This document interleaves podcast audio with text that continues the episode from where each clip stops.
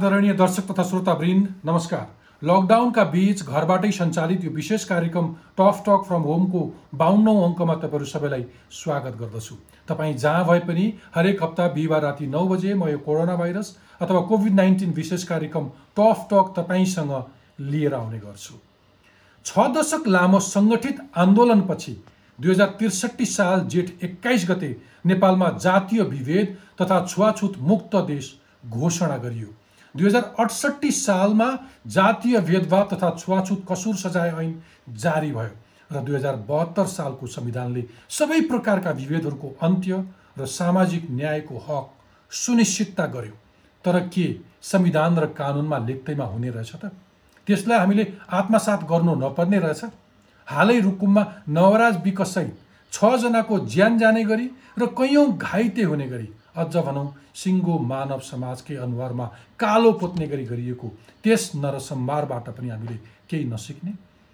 संविधान र कानुनले त जातीय विभेदलाई वर्जित गरेको छ तर सामाजिक बनोट र हाम्रो चेतना स्तर पूर्णत बदलिएको छैन। त्यसैले कथित तल्लो जात भएकै आधारमा नागरिकहरूले ज्यान गुमाउनु परिरहेको छ विभेदको शिकार हुनु परिरहेको छ। पछिल्लो गणना अनुसार नेपालमा दलितको सङ्ख्या करिब चौध प्रतिशत छ। दलितभित्र पनि तराई र पहाडमा छब्बिस जातिहरू सूचीकृत छन्। ती जातिहरूलाई लक्षित गरेर जातीय विभेद अन्त्यका लागि भन्दै वर्षेनी करोडौँ बजेट खर्च पनि हुन्छ। राष्ट्रिय तथा अन्तर्राष्ट्रिय गैर सरकारी संस्था तथा नागरिक सङ्घ संस्थाबाट पनि अनेक अभियान चल्छन्। तर ती बजेट र अभियान सामाजिक बनोट र मानसिकता बदल्न कामयाबी हुन सकिरहेका छैनन्। दलित अधिकार कर्मीहरूका अनुसार जातीय भेदभाव तथा कसुर सजाय ऐन लागू भएपछि नै उन्नाइसजनाको ज्यान गइसकेको छ र ती घटनाका अधिकांश पीडितले न्याय पाउन सकेका छैनन्। अन्तर्जातीय विवाहका कारण ज्यान गुमाएका काभ्रेका अजित मिजारको शब त चार वर्षदेखि टिचिङ हस्पिटलमा न्यायको पर्खाइमा छ। समाजमा गढेर बसेको जातीय व्यवस्थाले कथित उपल्लो जातबाट तल्लो जाति मात्र होइन हरेक फरक जात जाति बिचमा समेत जातीय विभेद छ बार्ने चलन छ। दलितभित्र पनि माथिल्लो र तल्लो जात भनेर छुट्याउने क्रम रोकिएको छैन। हुन त सामाजिक चेतना उन्नत भएको भनिएका अमेरिका युरोप जस्ता देशहरूमा पनि रङ्गका आधारमा विभेद हुन रोकिएको छैन। हाल अमेरिकामा एक काला जातिका युवालाई गोरा जातिका प्रहरीले गरेको हत्यालाई लिएर आन्दोलनको आगो बलिरहेको छ। तर अन्यत्र पनि विभेद छ भनेर यहाँको विभेद कदापि क्षम्य हुनुपर्छ भन्ने आशय होइन। कथित जातको आधारमा किन भेदभाव हुन्छ? यतिका धेरै राजनीतिक आन्दोलन तथा परिवर्तन हुँदा पनि हाम्रो सामाजिक चेतना स्तर किन माथि उठ्न सकिरहेको छैन? अधिकारका आन्दोलन हुने कानुन बन्ने तर त्यो व्यवहारमा लागू नहुने यो कस्तो अवस्था हो? जातीय विभेदको खास चुरो समस्या कहाँ छ? सामाजिक मानसिकता बदल्न के गर्नुपर्छ? हाम्रो सोच किन बदलिएन? यस्तै प्रश्नहरूको जवाब खोज्न आजको संवादमा मसँग हुनुहुन्छ जातीय विभेद विरुद्ध सशक्त कलम चलाउँदै आउनुभएका लेखक साहित्यकार तथा पूर्व सभासद विश्वभक्त दुलाल आहुति र तराई क्षेत्रबाट संसदमा प्रतिनिधित्व गर्नुहुने नेपाली कङ्ग्रेसका नेता तथा चिन्तक प्रदीप गिरी। तपाईँहरू दुवैजनालाई आजको टफ टक फ्रम होमको यो विशेष अङ्कमा स्वागत गर्न चाहन्छु। हजुर धन्यवाद। म पहिलो प्रश्न आहुतिजीबाटै सुरु गर्छु। आहुतिजी छुवाछुत मुक्त राष्ट्र घोषणा भएको चौध वर्ष पुगेछ। जातीय विभेद र छुवाछुत विरुद्धको दिवस मनाइँदैछ। यस्तो दिवसले के अर्थ राख्छ? के का लागि दिवस मनाइन्छ?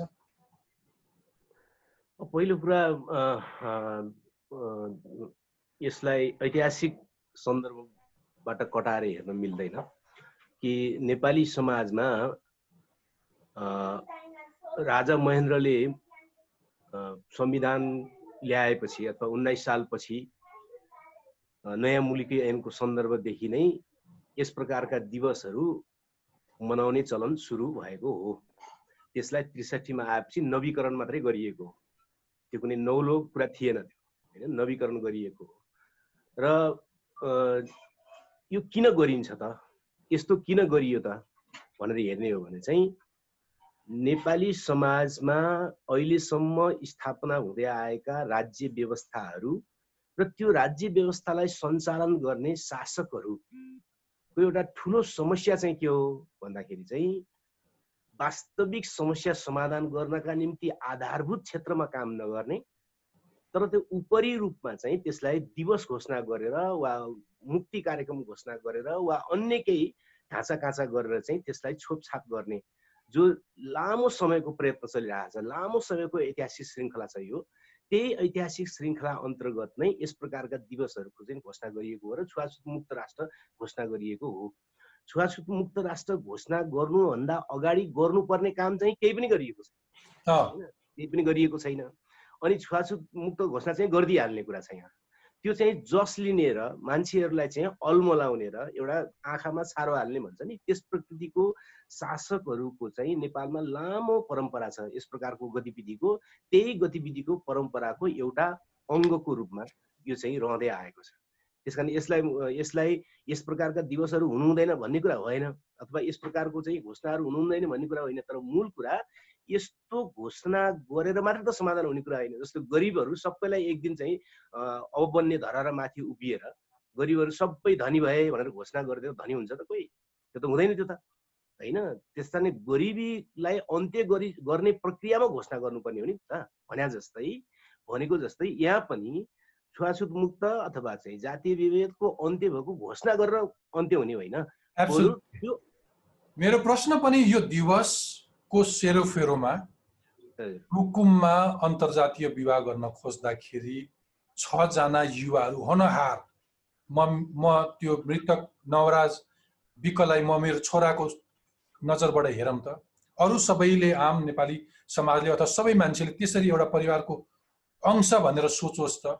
एउटा होनहार युवाको प्रेमसँग जोडेर दलितको ट्याग भिराइएर उस जस्तै छजनालाई कुटी किट कुटी निर्ममतापूर्वक अत्यन्तै क्रूर ढङ्गले हत्या गरिन्छ।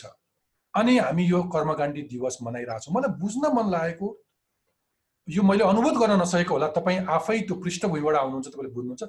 यो जातपातमा के त्यस्तो छ कि सिङ्गो समाज सामूहिक हत्याका लागि सिङ्गो गाउँ निस्केर आउँछ तपाईँ हाम्रा छोराछोरी जस्तो केटाकेटीलाई मार्न तम्सिन्छ। त्यो जड के हो जरा के हो? मलाई अलिकति यसको सामाजिक सांस्कृतिक पक्ष कोट्याउन मन लाग्यो। तपाईँले। यो चाहिँ गम्भीर कुरा छ होइन? यो गम्भीर कुरा गम्भीर प्रश्न पनि तपाईँले उठाउनु हो यसको पहिलो कुरा के बुझ्नु पर्यो भने जात व्यवस्था भनेको चाहिँ छुवाछुत भेदभाव मात्रै होइन।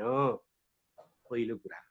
यो दक्षिण एसियामा विकसित भएको सिङ्गो सामाजिक आर्थिक राजनैतिक र चिन्तन प्रक्रिया समेत हो यो।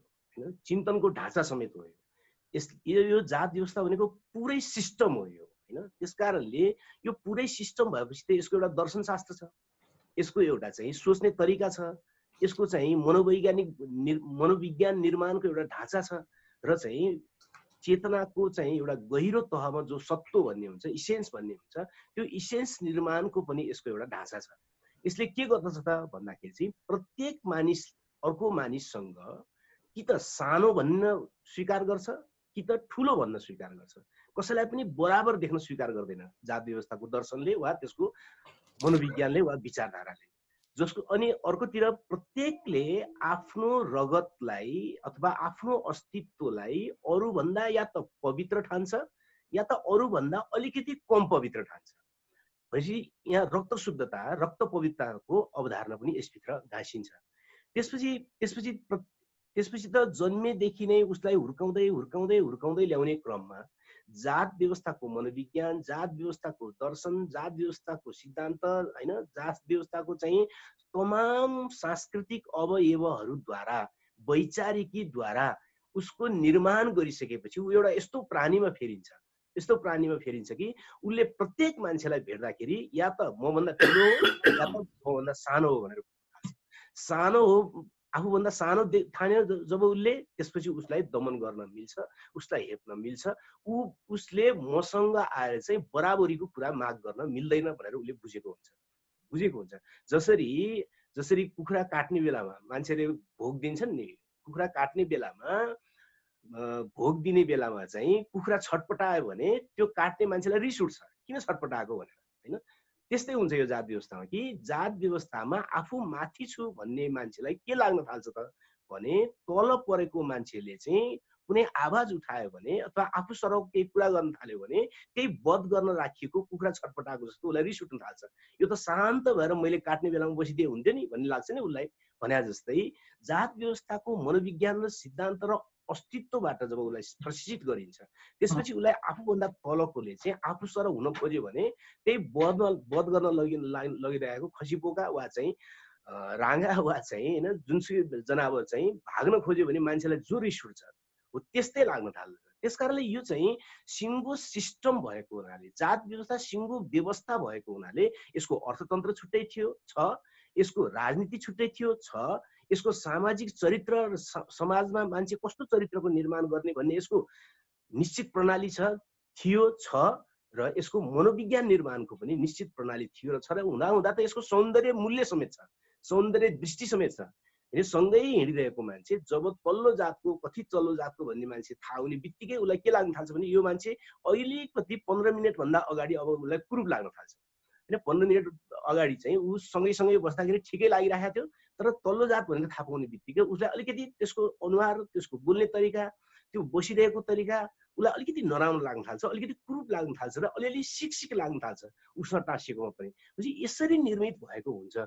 यस कारणले गर्दाखेरि जात व्यवस्थाको यो वैचारिकबाट निर्माण भएको प्राणी प्राणीहरूमा जब जातीय अहङ्कार जब पैदा हुन्छ त्यो चाहिँ एउटा पागलपनको स्तरमा जान्छ। जस्तै मैले भन्ने पनि गरेको छु कि जस्तो कि रामको कथामा होइन? रामको कथामा चाहिँ सम्मुख वधको कुरा आउँछ नि। होइन एक थरीले सम्मुख वधको कथालाई इन्कार पनि गर्छन्। त्यो अर्कै कुरा हो जसले स्वीकार गर्छन्। तिनले के भन्छन् त भने रामले मर्यादा पालन गरे हो भन्छन्। होइन? जबकि घोर तपस्वी मान्छेलाई काट्नु चाहिँ त्यो समाजको मर्यादा पालन गरे हो भन्छन्। त्यो मर्यादा भने के हो त? भन्यो भने जात व्यवस्थाको मर्यादा हो। जात व्यवस्थाको मर्यादा के हो त भने कति तल्लो जातको मान्छेले माथिल्लो जातको सरह सपना देख्न मिल्दैन। सपना देख्न मिल्दैन समानता ठान्न मिल्दैन त्यो चाहिँ मर्यादा विपरीत हुन्छ। त्यस कारणले रामले चाहिँ सम्मुख वध गरेको कथालाई जो मर्यादा पालन भनिन्छ त्यो त्यही वैचारिक हुन्छ। यहाँ पनि घटना घट्दाखेरि पनि यहाँ पनि घटना घट्दाखेरि मैले सकिया हो एक मिनटमा सकिहाल्छु। यहाँ पनि घटना घट्दाखेरि के हुन्छ त भने जब गैर दलितले दलितमाथि अत्याचार गर्छ त्यो गैर दलितलाई के लागिरहेको हुन्छ त भने यो त गर्नुपर्ने कुरा हो भन्ने लागिरहेको अनि समाजले त्यसलाई जाय ठानिराखेका हुन्छ। अनि जब पुलिस त्यहाँ पुग्छ पुलिसलाई कस्तो लाग्न थाल्छ भने यिनीहरू किन मातिएका त भन्ने लाग्न थाल्छ उसलाई। अनि जब त्यो वकिल र न्यायाधीश कहाँ पुग्छ सिडिओ कहाँ पुग्छ अनि उसले मिलापत्र गराइदिनु पाए हुन्थ्यो किन आजको जमानामा किन लडिराख्ने भनेर मिलापत्र गराइदिनु मन लाग्छ। होइन यसरी श्रृङ्खलाबद्ध रूपमा श्रृङ्खलाबद्ध रूपमा जान्छ। जस्तै म तपाईँलाई भनौँ न अहिले यत्रो काण्ड घट्यो तर देशका चाहिँ प्रमुख नेताहरू भन्नेले वक्तव्य दिए त? वक्तव्य पनि दिँदैन उनीहरू होइन? उनीहरू वक्तव्य दिन पनि तयार छैन होइन? अरू अरू मान्छेको जन्मदिनमा चियापानमा उनीहरू फोनमा कुरा गर्न तयार छन् सबै गर्न तयार छन् तर जातीय नरसंहारसम्म भइसक्यो। तर चाहिँ प्रमुख भनिएका ठुला भनिएका नेताहरू वक्तव्य जारी गर्न तयार छैनन् भने किन त हुन्छ त उनीहरूको पनि जात व्यवस्थामा आधारित जो मनोविज्ञान बनाए हुन्छ त्यसले उनीहरूलाई दुईटा कुरा जन्मन्छ कस्तो झन्झटिलो विषय आयो भन्ने लाग्छ उनीहरूलाई। आइ त हाल्यो भोटर हुन् भड्केलान् फेरि। कस्तो झन्झट हुन थाल्यो भन्ने आउँछ थाल्थ्यो एकातिर अर्कोतिर चाहिँ यस्तो नभइदिया भए हुन्थ्यो भन्ने लाग्न थाल्छ। नभइदिया भए चाहिँ मलाई झन्झट त्यस कारणले यो चाहिँ जात व्यवस्थाको वैचारिकीद्वारा संस्कृतिद्वारा निर्माण भएको मनोवैज्ञानिक अहङ्कारभित्रको विषय हो। ओके। होइन मलाई तपाईँले मनोविज्ञानको कुरा गरिसकेपछि मलाई एउटा अर्को मनोविज्ञानको अनुभूति के भइरहेको थियो भने यसले किन यो विषयको छलफल गरिरहेछ? अथवा तपाईँले उठाएको कुराहरू कतिलाई मन नपरिरह हुन सक्छ? किनभने उसको आफ्नो जन्म जात अनुसारको केही स्वभाव छ र उसले केही सुन्ने गरेको छ। यो विषय नै होइन भन्ने लागिरहेको छ। एनिवेज हामी त्यही भएको हिसाबले त्यसलाई कोट्याउन खोज्दैछौँ। म प्रदीप दाईकोमा जान चाहन्छु। प्रदीप गिरिजी तपाईँ मलाई भनिदिनुहोस् कि तपाईँ आफू एउटा सांसद त्यो पनि ठुलो पार्टीको एउटा नेता चिन्तक। तपाईँ यत्रो वर्षदेखि एउटा समतामूलक अथवा विभेद रहित समाज निर्माणको आन्दोलनमा हुनुहुन्छ। तर अहिले कुटी कुटी एउटा युवालाई मारेर अथवा युवाहरूलाई आधा दर्जन छजना हुनहार युवाहरूलाई कुटी कुटी मारेर नदीमा फाल्ने घटना हुन्छ। यो त्यो घटना त जातीय कारणसँग जोडिन्छ होला तर यत्रो आन्दोलन सङ्घर्ष के का लागि गरिए जस्तो लाग्दैन तपाईँलाई कहिले कहिले? कमरेड आउदीले जुन जाति विषय खास गरी भेदभाव वर्ग सङ्घर्ष वर्ण सङ्घर्षका बारेमा उहाँले प्रशस्त अध्ययन गर्नुभएको छ साहित्यमा लेख्नुभएको छ। उहाँले यस विषयलाई जसरी प्रस्तुत गर्नुभयो यहाँसम्म अहिलेसम्म उहाँको म बिल्कुलै मुनासिब कुरा भन्ने मान्दछु र उहाँले सब आफ्नो भावना र प्रतिक्रिया व्यक्त गरिसक्नुभयो। अब तपाईँले मलाई जहाँसम्म मेरो पार्टी र संसदको कुरा सोध्नुभयो र यसलाई के कुरासँग जोड्नुभयो भने तपाईँलाई यस कुरालाई लिएर दिक्क लाग्दैन अथवा व्यर्थताको अनुभूति हुँदैन भनेर भन्नुभयो। त्यो तपाईँले मलाई सोधिरहने खाँचो खाँचो थिएन संसदमा सधैँ मैले यो व्यर्थतालाई व्यक्ति दिइराखेको हुन्छु तर मैले यसरी यो विकराल परिस्थितिमा विकट परिस्थितिमा यो अमानवीय प्रेस एउटा कुरो तपाईँलाई भन्न चाहन्छु यो यत्रो जातीय हिंसा जातीय बर्बरता। निश्चय आहुतिले सङ्केत गरे जस्तै त्यसको सूत्रमा त्यसको मूलाधारमा जातीय घृणा छ। तर याद राख्नुहोस् यस्तै बर्बर नरसङ्घार हिटलरले यहुदीका विरुद्ध पनि गरेका थिए। त्यो मलाई थाहा छ, जर्मनी र जर्मनी बडो त्यति बेला सुशिक्षित सभ्य। मार्क्स हेगल कान्ट जस्ता महान दार्शनिक भएको, हाने, गेटे, रिल्के जस्ता महान कवि भएको देश मानिन्छ। अब हिन्दुस्तानमा तपाईँ देख्दै हुनुहुन्छ, कसरी सजिलै त्यहाँ कुनै व्यक्ति विशेषले गाई चाहे गोरु बेच्न जाँदैछ भन्दा मानिसले गोवध गर्न हिँडेको भने। बर्बरतापूर्वक त्यसलाई लिन्च गरेर मारेका छन्। अमेरिकाको हिंसाले अहिले वास्तविक रूप लिन सकेको छैन अहिले हामीले एउटा मात्रै हत्या देख्दैछौँ भोलि कहाँ पुग्ने हो थाहा छैन। त्यसैले आधारभूत रूपमा आहुतिलाई सम्बोधन गर्दा गर्दै तपाईँले संवेदनशील ढङ्गले कुरा उठाउनु भएको छ, प्रश्न राख्नु भएको छ। जाति, विदेश हो, सायद त्यति मात्रै होइन। यो मानव जाति र संस्कृति इतिहासमा हिंसाका स्रोत के हुन्? हेट्रिएट भाइलेन्स यसका सोर्स के हुन्? र यो यसमा धर्मले अध्यात्मले जे भन्छ भनोस् त्यो धेरै प्रासङ्गिक रहेको छैन। नेतृत्व शास्त्रले एन्थ्रोपोलोजीले जसले बिल्कुल जरैमा गएर मानव व्यवहारको अध्ययन गर्छ त्यसले यस हिंसालाई कसरी हेर्छ? र त्यो हिंसा अहिले कसरी अभिव्यक्त भएको छ? र यसको एन्टोनिम यसको विपरीत कुरा के हो? यसको विपरीत हुनुपर्ने के हो? मानवीय संवेदना। मानवीय संवेदना कस्तो हुन्छ भने तपाईँले आफ्नो क्रूर भन्दा क्रूर शत्रुलाई युद्धका दरम्यान मार्न पर्दा पनि मारिसकेपछि साहित्यकार इतिहासका महानायकहरूले आँसु बगाएका छन् खै तिमीलाई मलाई मारिहाल्न त मन थिएन मजबुरीमा तिमीले मार्नु पर्यो भन्ने अभिव्यक्तिहरू साहित्यमा त अनेकन छन् इतिहासमा पनि त्यस्तो अभिव्यक्ति पाइन्छ इतिहासमा पनि जो प्रमाणिक अभिव्यक्ति छन् तपाईँलाई सबैलाई थाहा छ अङ्ग्रेजी साहित्यको सबभन्दा ठुला र प्रतिष्ठित साहित्यकार सेक्सपियर हुन् सेक्सपियरको धेरै नाम नचलेको त्यो बडा सजिलो र पठिने एउटा जुलियस सिजर भन्ने नाटक छ अँ। त्यो ब्रुटसले जुलियस सिजरको हत्या गर्छ पहिले सुरुमा पछि एक दिन घटनाक्रममा उनी आफूलाई आत्महत्या गर्न विवश हुन्छन् आफ्नो आत्महत्या गर्ने क्रममा सेक्सपियरले उनको मुखबाट भनाएका छन् Caesar be now still I kill not thee with half so good will. I kill not thee with half good will. तँलाई मार्दा बरु मलाई मनमा यति आनन्द आएको थिएन। आज आफूलाई मार्दा त्योभन्दा बढी आनन्द आइरहेको छ। अर्थात् तपाईँ कहिलेकाहीँ मजबुरीमा हिंसा गर्नुहुन्छ होला। अब म यसो भनेर मैले माओवादी हिंसाको औचित्य ठहराएको होइन। बिपी कोरालाको हिंसाको औचित्य ठहराएको होइन। हिंसा समग्रमा मानव सभ्यताको प्रतिलोम र प्रतिकूलको एउटा कुरा हो। भन्ने तिखो मानवीय अनुभूतिको अभावमा यस्ता बर्बर पाशविक अक्षम्य अपराध हुन्छन् भन्नेतर्फ पनि तपाईँले ध्यान दिइराख्नुहोस् वर्ग सङ्घर्ष पनि छ वर्ण सङ्घर्ष पनि छ नस्लीय सङ्घर्ष पनि छ काला र गोलाको सङ्घर्ष पनि छ। हिटलरको जर्मनीमा गरेको यहुदीहरूको अकल्पनीय अविश्वसनीय नरदाह पनि छ। किन टाढा जानुहुन्छ। यो इन्दिरा गान्धीको हत्या भएको भोलिपल्ट दिल्लीमा भएको सिखहरूको नरसंहार सम्झिनुहुन्छ? के थियो त्यो?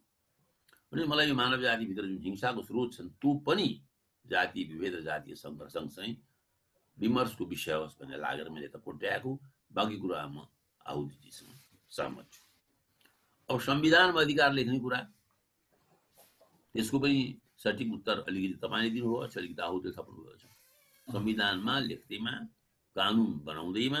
नियम बनाउँदैमा प्रधानमन्त्री राष्ट्रपतिले सन्देश र भाषण दिँदैमा हुँदैन। हरेक हिटलरलाई कसैले अन्तर्वार्ता ल्याए भए मैले ओहो जर्मन राष्ट्रको महानताको लागि गरेका थिएँ भन्थ्यो त्यसैले यो संविधानको चर्चा त नगरेकै जाति हुन्छ जस्तो लाग्छ मलाई। ठिक छ हुन्छ। धन्यवाद। म आहुतिजीकोमा जान चाहन्छु। आहुतिजी तपाईँ आफै पनि विभेदको शिकार बन्नुभएको पृष्ठभूमिको मानिस। तर सँगसँगै तपाईँ राजनीतिक आन्दोलनसँग पनि जोडिनुभयो जहाँ युद्ध समेत भयो। समाजको विभेद अन्त्यका लागि। तर समाजदेखि राजनीतिक सबै बुझ्दै गर्दाखेरि तपाईँले यो विभेदको प्रकृतिहरू कस्तो कस्तो देख्नुभयो? कस्तो कस्तो खालको प्रकृति छ? होइन यसको देखिने भन्दा देखिने र सबैले भनिरहेको भन्दा गम्भीर प्रकृतिको विभेद र समस्या चाहिँ नदेखिएको र चर्चा नगरिएको ठाउँमा छ। आज चर्चा गरौँ। हो। त्यस कारण भयो के भन्दाखेरि यो गडबडी कहाँबाट भयो त भन्दाखेरि चाहिँ नेपालमा दुईवटा राजनीतिक धाराहरू मूलभूत रूपमा अगाडि आए। होइन उन्नाइस सय नब्बेको आसपासबाट लोकतान्त्रिक प्रकारको राजनैतिक धारा जसको सबभन्दा माथिल्लो स्तरको व्यक्तित्वको रूपमा विश्वेश्वर प्रसाद कोइराला आउनुभयो र छ सालपछि पुष्पलालहरूको कम्युनिस्ट धारा। त्यो दुइटैले त्यो दुइटैले के भने त भने नेपालको सामन्तवादलाई ढाल्ने हो। होइन कसैले जनतन्त्र ल्याउने भने कसैले प्रजातन्त्र ल्याउने भने। जे भने पनि सामन्तवादलाई ढाल्ने हो भने। तर यो सामन्तवाद कस्तो प्रकारको हो भन्ने कुरा विश्लेषण नै गर्न सकेन। होइन रुसको जस्तो सामन्तवाद यो थिएन चाइनाको जस्तो सामन्तवाद यो थिएन युरोपको जस्तो सामन्तवाद यो थिएन। यो हिन्दुस्तानको जस्तो सामन्तवाद थियो मूलत। जङ्गबहादुरले औपचारिक रूपमा मुलुकी ऐन उन्नाइस सय दसको ल्याइसकेपछि यो हिन्दुस्तानको जस्तो सामन्तवाद थियो अथवा यो मूलत जात व्यवस्थामा आधारित सामन्तवाद थियो। त्यस कारणले जात व्यवस्थामा आधारित सामन्तवाद भएको हुनाले यहाँको सामन्तवाद विरोधी लडाइँ के हुनु पर्थ्यो त? भने जात व्यवस्था विरोधी हुनु पर्थ्यो किनकि यहाँ त यहाँ त वर्ग निर्माण पनि जात व्यवस्थाको निर्देशनमा भएको छ। राज्य सत्ताको निर्माण पनि जात व्यवस्थाको अनुकूल भएको छ। प्रशासन पनि जात व्यवस्थाको अनुकूल भएको छ न्याय प्रणाली पनि जात व्यवस्था अनुसार निर्माण भएको छ भनिसकेपछि त यहाँको सामन्तवादलाई फाल्ने भने त जात व्यवस्था फाल्ने हुनु पर्थ्यो नि होइन? तर त्यो दुइटै राजनीतिक धाराले नेपाली समाजको वास्तविक सामन्तवाद अथवा जात व्यवस्थामा आधारित भएको सामन्तवादलाई सैद्धान्तिक ढङ्गले बुझ्न सकेन र त्यस विरुद्ध लड्ने रणनीति अगाडि नै सार्न सकेन। बरु उसले होलसोलमा संसारमा सामन्तवाद भनेर जीवका विरुद्ध लडियो जात व्यवस्था नभएको समाजमा जस्तो सामन्तवाद थियो त्यस्तो लडाइँ लड्ने भनेर दुइटै धाराले लड्यो। जसको कारणले दुई हजार पचास सालसम्म आइपुग्दा त कस्तो भयो त भने सबै पार्टीहरू कम्युनिस्ट वा लोकतान्त्रिक भने नि सबै पार्टीको आन्तरिक बनावट नै जात व्यवस्थामा आधारित बन्न पुग्यो। ध्यान दिने लागेको कुरा। यो धेरै चर्चै हुँदैन यो विभेद चर्चै हुँदैन। यो विभेद कहिले चर्चा हुँदैन छोपछाप पारिन्छ यसलाई होइन? तर सबै पार्टीहरू तपाईँहरूले हेर्नुभयो भने सबै पार्टीहरू जात व्यवस्थाको तहगत संरचना अनुसार बन्न पुग्यो। त्यो नियतपूर्वक बने होइन। पुष्पलालको नियत त्यस्तो थियो अब विश्वेश्वर प्रसाद कोइरालाको नियत त्यस्तो थियो भन्नु हास्यास्पद कुरा हुन्छ। नियत त्यस्तो होइन। हो चाहिँ के त भने यो समाजबारे जो विश्लेषण गर्नु पर्थ्यो जो संश्लेषण गर्नु पर्थ्यो समाजलाई जसरी चिन्नु पर्थ्यो र त्यो चिनेर त्यसका विरुद्धको रणनीति बनाउनु पर्थ्यो। त्यो गर्न चाहिँ नेपालको दुइटै धाराको राजनीतिक आन्दोलन असफल भयो। जसको कारणले के भयो हामी पनि त्यसकै कार्यकर्ता भयौँ। त्यो त त्यही त भएको हो। किन हामी पनि त्यसकै कार्यकर्ता भयौँ त्यही कुरा गर्दै हिँड्यौँ।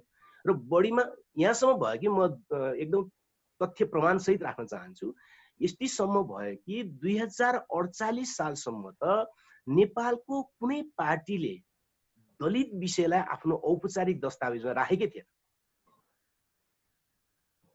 जो कि सिङ्गो समाज चाहिँ जात व्यवस्थामा आधारित छ। पार्टी पनि जात व्यवस्थामा आधारित बनिसकेको छ। पितृसत्तावादी र जात व्यवस्थामा आधारित बनिसकेको छ। तर आफ्नो दस्तावेजमा त्यो कुरा स्वीकार्दै स्वीकार्दैन होइन? अब त्यसपछि सुरु हुन्छ फेरि माओवादी युद्ध। माओवादी युद्ध सुरु हुँदाखेरि पनि माओवादी पार्टीले नेपाली समाजलाई जात व्यवस्थामा आधारित छ। त्यसको प्रभाव अहिले पनि मुख्य रूपमा बाँकी छ। त्यसलाई खतम पार्नका निम्ति भनेर त होइन त्यो विश्लेषण गरेर त होइन।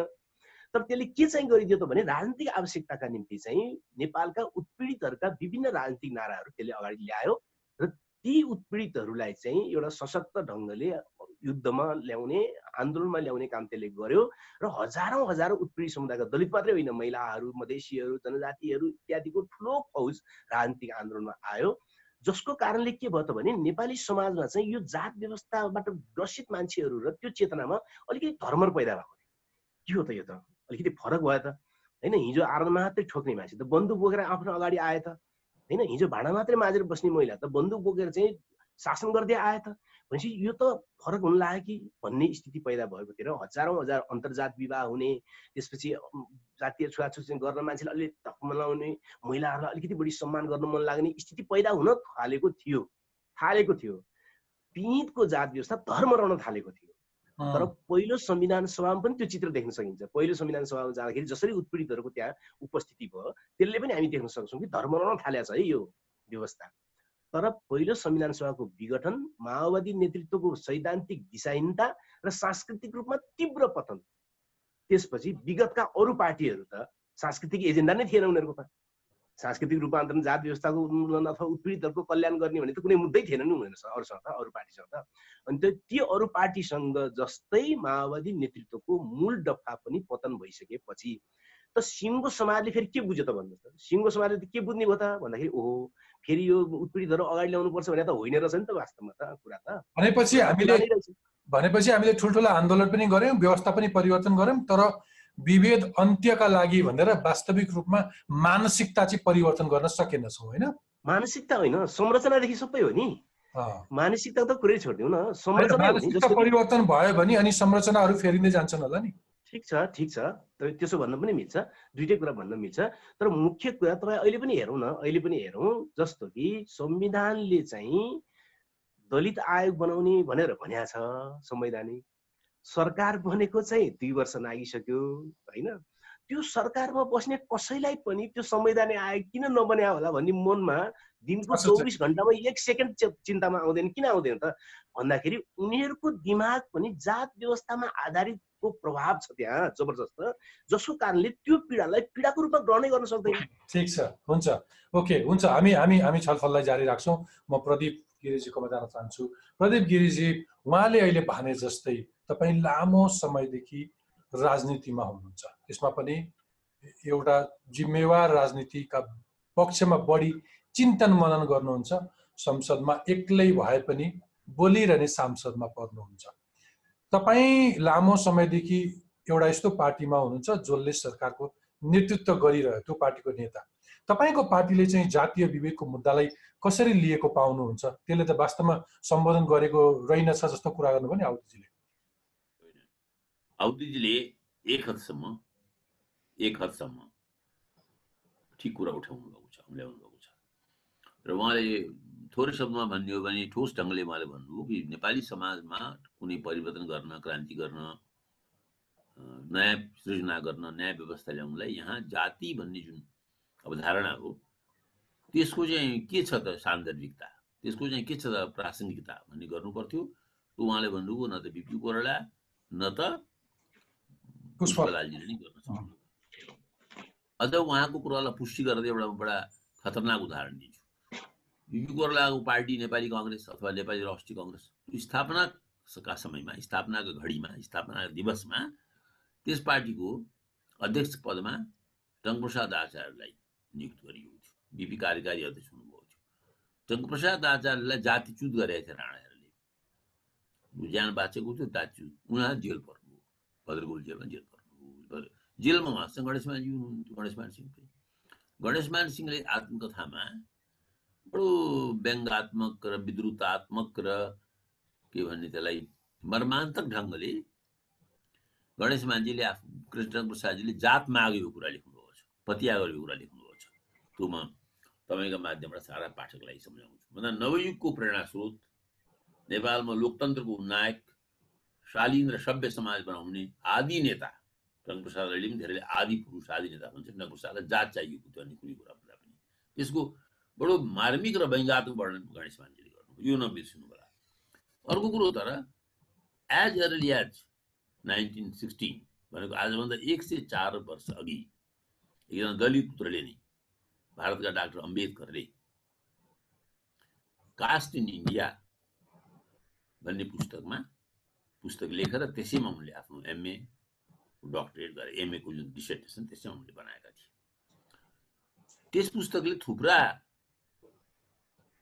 हिन्दुस्तानी समाजवादीलाई प्रभावित गरेको सबभन्दा ज्यादा डाक्टर रामनु लोहियालाई प्रभावित गरेको ला- लोहियाजीको थुप्रो थुप्रो किताब the caste system the caste and women महिला र महिला इत्यादि कुराहरू छ बिपीहरू उहाँहरूका सहयोगी नै हुनुहुन्थ्यो खास गरी लोहियासँग बिपीको राम्रो सम्बन्ध थियो तर विचारका क्षेत्रमा जातिको केन्द्रीयता अथवा वर्णको केन्द्रीयता अथवा मुलुकमा रहेका विभिन्न उत्पीडित सबल्टन समाजको बारेमा संवेदना त्यति बेला बिपीमा अथवा गणेश मानजीमा अथवा किसुनजीमा समेत जागृत भएको देख्दिनँ। तर सैँतालिस सडतालिस सालको क्रान्तिको लगत्तै पछि परिवर्तन भनौँ क्रान्ति लगत्तै पछि गणेश मानजीले पहिलोपटक जाति व्यवस्थाका विरुद्ध यसै काठमाडौँमा गिरिजाको औल्याउनु भएको थियो छवटा एम्बेसडर छजना बाहुन छवटा सचिव छजना बाहुन तपाईँले के ब्राह्मणवाद गरे गिरिजाऊ भनेर त्यस सिलसिलामा झगडा बढ्दै बढ्दै बढ्दै उहाँले पार्टी छोड्नुभयो।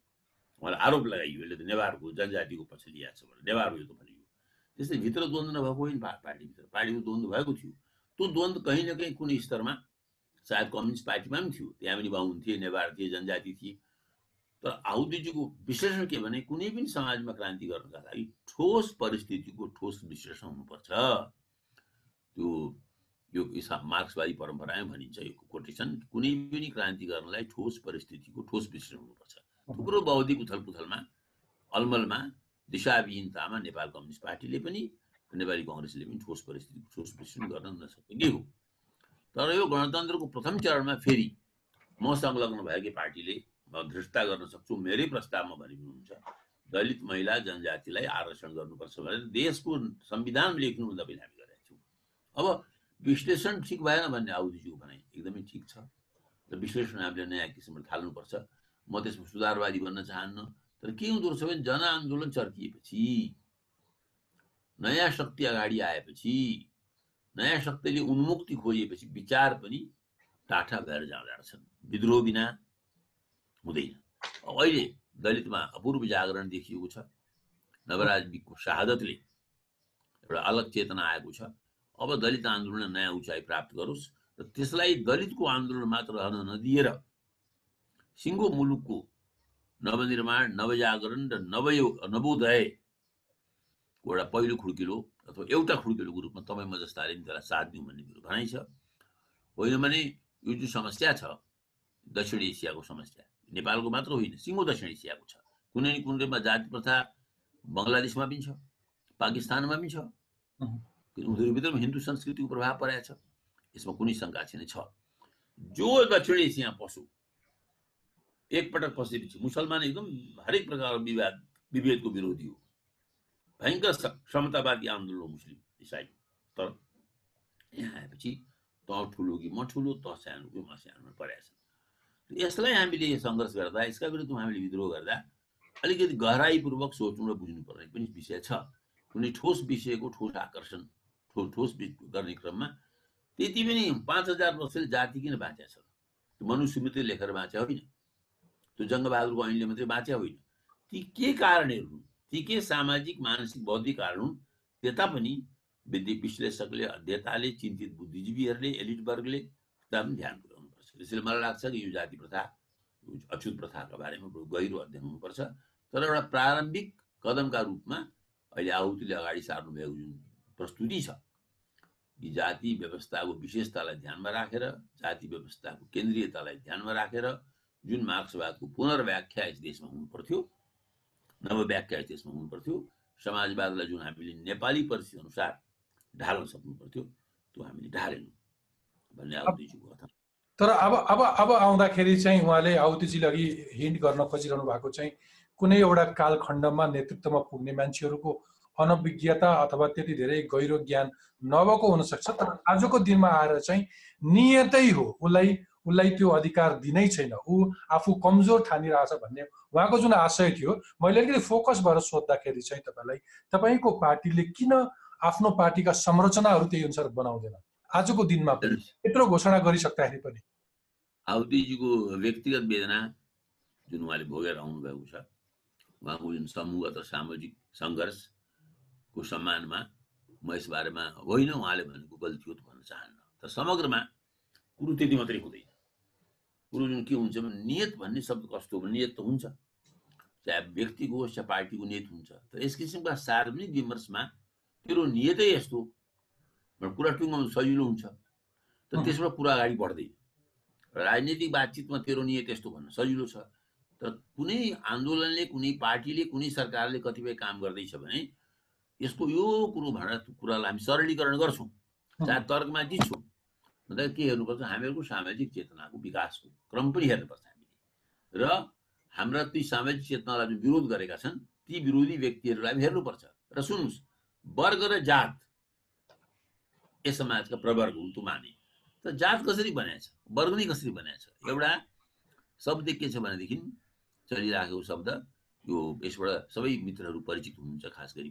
वामपन्थी ब्याकग्राउन्ड आएका हेजमनी दलितलाई ब्राह्मण वर्गले अथवा उपल्लो वर्गले दबाउने क्रममा यति मात्रै गरेको छैन। त्यो दबाएको छ। दलितलाई अनुभूति के गराएको छ भने म दलिनु मेरो पूर्वजन्मको फल हो। म दलिनै पर्छ। ऊ ना- नवराज बिकको पिताले भने अरे हामी यस्तो दलित भएर विष्टको छोरी ताक्ने हो। त्यो उनको विश्वासको अङ्ग हो। उनलाई जुन आइडियोलोजी पढाइएको छ वर्षौँदेखि त्यो आइडियोलोजीको पार्ट हो। म पनि हाम्रो पार्टीका व्यक्तिगत अनुभवबाट भन्छु। एउटा दलित हुनुहुन्थ्यो म सबैले मैले यदि भन्दाखेरि नाम सबैले बुझ्छन्।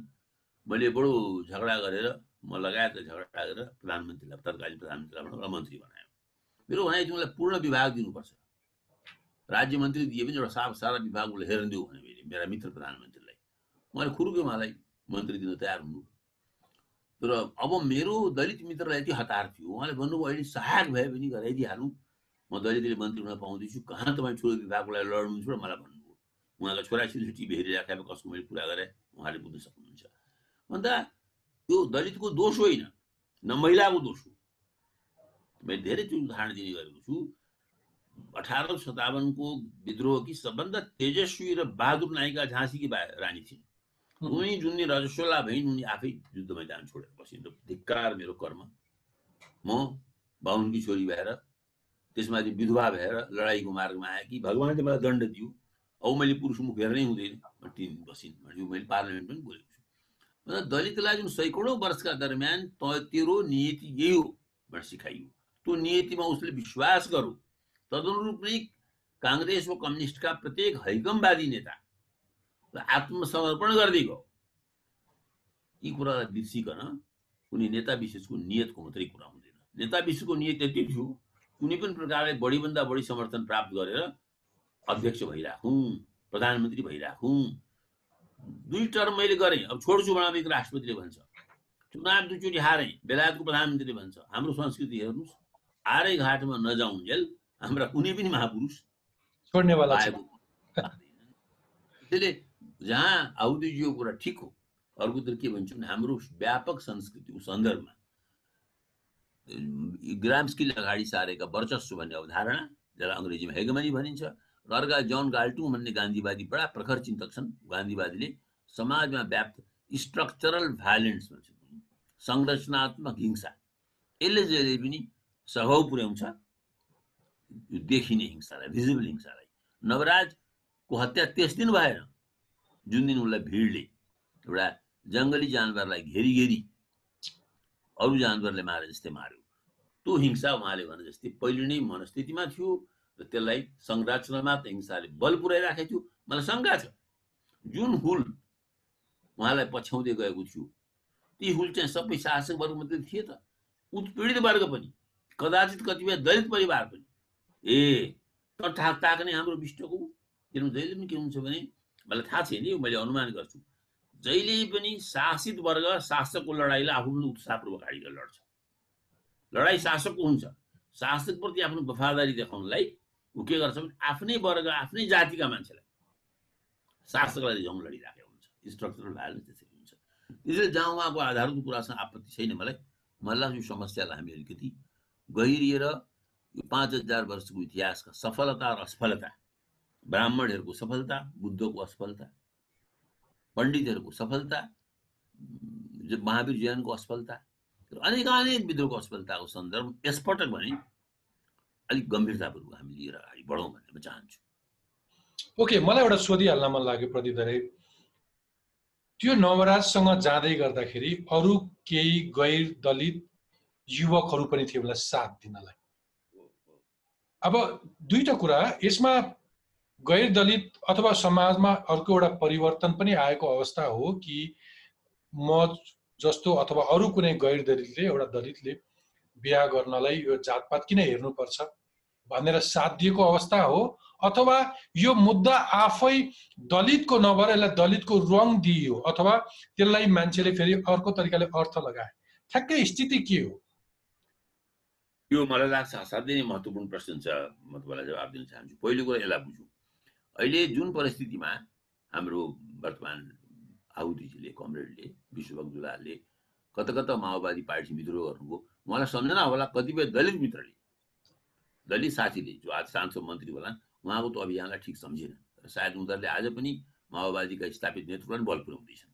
त्यसै लडाइँले जब विभाजनको रूप लिन्छ सामाजिक र वैचारिक विभाजनको रूप लिन्छ आइडियोलोजिकल डिभिजनको रूप लिन्छ आइडियोलोजी भने सब ज्यादा मतलब रूप लिन्छ त्यहाँ विचारका आधारमा किता काटिन्छ मलाई एकदम विश्वास छु कि गैर दलितहरूले एउटा समाजमा भएको उत्पीडनका विरुद्धमा नि उनलाई साथ दिएका हुन् र मलाई आश्चर्य हुने छैन कतिपय दलितले फेरि पीडनको पक्षमा पनि आफ्ना विष्ट आफ्नो स्वामीलाई साथ दिनेछन्। यस दायरामा हेरौँ त्यसैले म नियत भन्ने शब्दलाई यहाँ हत्तपत्तै ल्याइहाल्न चाहन्न। मेरो नियत शब्द संस्कारको कारण हो।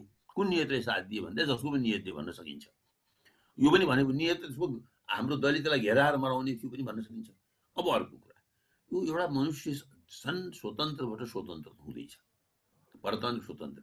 यो जुन प्रेम भन्ने जुन शब्द छ नि यो बडा भारी एक प्रकारले रहस्यमय पनि छ। लगभग ईश्वर र अध्यात्म जस्तै रहस्यमय छ। तपाईँ जस्तो ह्यान्डसम मान्छे कतिचोटि भोगिसक्नु भएको होला यसको प्रहार दर्द नभए पनि प्रहार। यसमा कत्रो आवेग हुँदो रहेछ। यही आवेगका आधारमा कसैले लैला मजनुन लेख्छ कसैले श्री फराद लेख्छ कसैले यो के भन्छन् गोरे कुञ्जुनी लेख्छ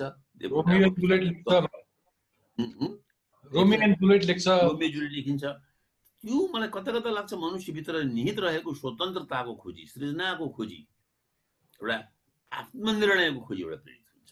आत्मनिर्णयका खोजीबाट प्रेरित भएर नि ती युवकहरू पनि नवराज विकलाई साथ दिन आएका थिए। सँगसँगै उनीहरूको चेतना पनि धेरै उकासिएको थियो र मुलुकको वर्तमान वास्तविकतालाई आजका जुन अभियन्ताहरू छन् जसले बारम्बार कुरा उठाइरहेका छन् दलित अभियन्ता गैर दलित अभियन्ता त्यसमा उनीहरू प्रभावित जस्तो लाग्छ मलाई।